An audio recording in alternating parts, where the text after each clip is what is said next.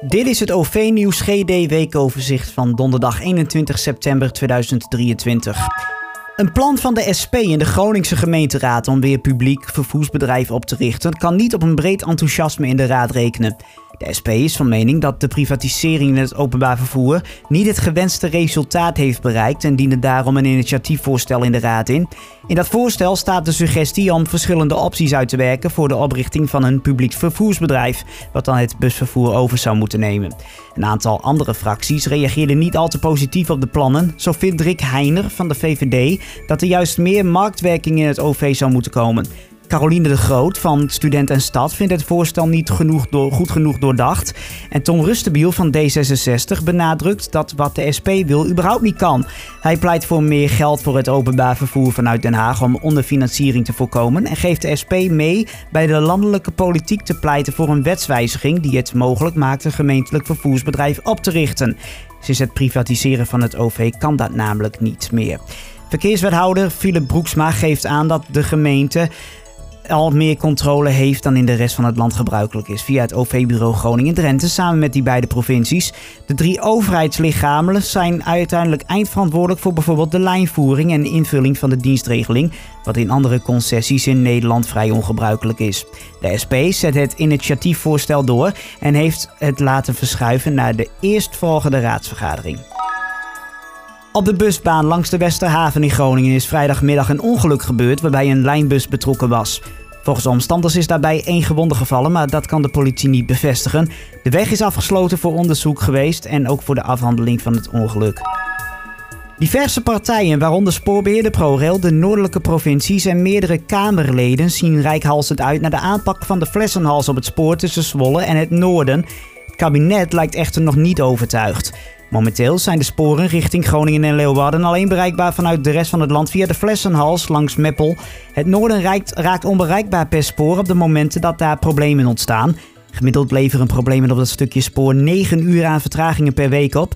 Om de problemen aan te pakken wil ProRail twee grote maatregelen nemen. Eén daarvan is het toevoegen van een vierde perron aan het station in Meppel, waarmee de intercities en de stoptreinen van elkaar kunnen worden gescheiden. Voor dit deel van de plannen stelt het kabinet 35 miljoen euro beschikbaar. Het andere plan, wat het vervangen van 14 spoorwegovergangen op het traject door tunnels behelst, kan niet op de steun van de regering rekenen.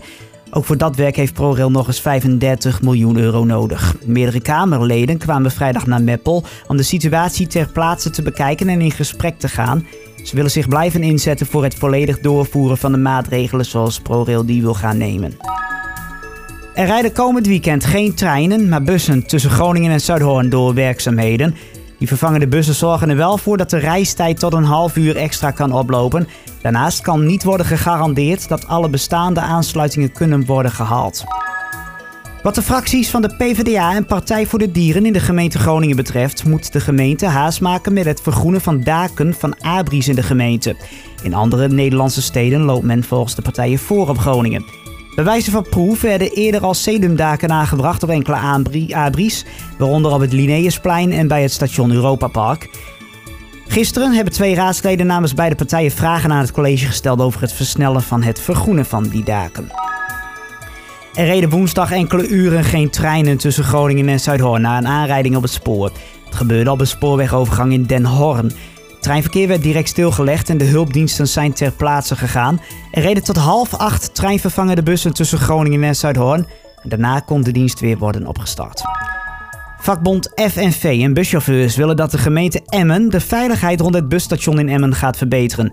Volgens Edwin Kuiper van de vakbond zijn de problemen verergerd sinds er vorig jaar is gestart met het zogenoemd omgekeerd laden op het station. Daardoor rijden de bussen tegen de richting in op het station Daarnaast blijkt uit diverse rapporten dat de verkeerssituatie op het station slecht is. Het busstation in Emmen is al jaren op dezelfde wijze ingericht. Er zijn bijvoorbeeld geen oversteekplaatsen voor voetgangers aanwezig. En de infrastructuur is versleten en ook voor minder valide blijkt de situatie onveilig. Vervoerder Cubus heeft naast de vakbond ook een enquête gehouden onder de chauffeurs. Tot zover het OV-nieuws GD weekoverzicht voor deze week. Volgende week donderdag om een uur of eens middags. Dan staat er een nieuwe editie voor je klaar. En die kun je beluisteren via je favoriete podcast-app. Via OV-nieuws uit Groningen.nl. Gewoon daar langs de zijkant vind je de player. Of als je op je mobiel kijkt, helemaal verder onderaan. Daar blijf je trouwens ook op de hoogte van het laatste nieuws zodra het gebeurt. En ook zijn wij te beluisteren met het OV-nieuws GD weekoverzicht als nieuwsbron via de Google Assistant. Dus ook dat kun je checken, mocht je dat makkelijk vinden. Voor nu dankjewel voor het luisteren en graag tot volgende keer.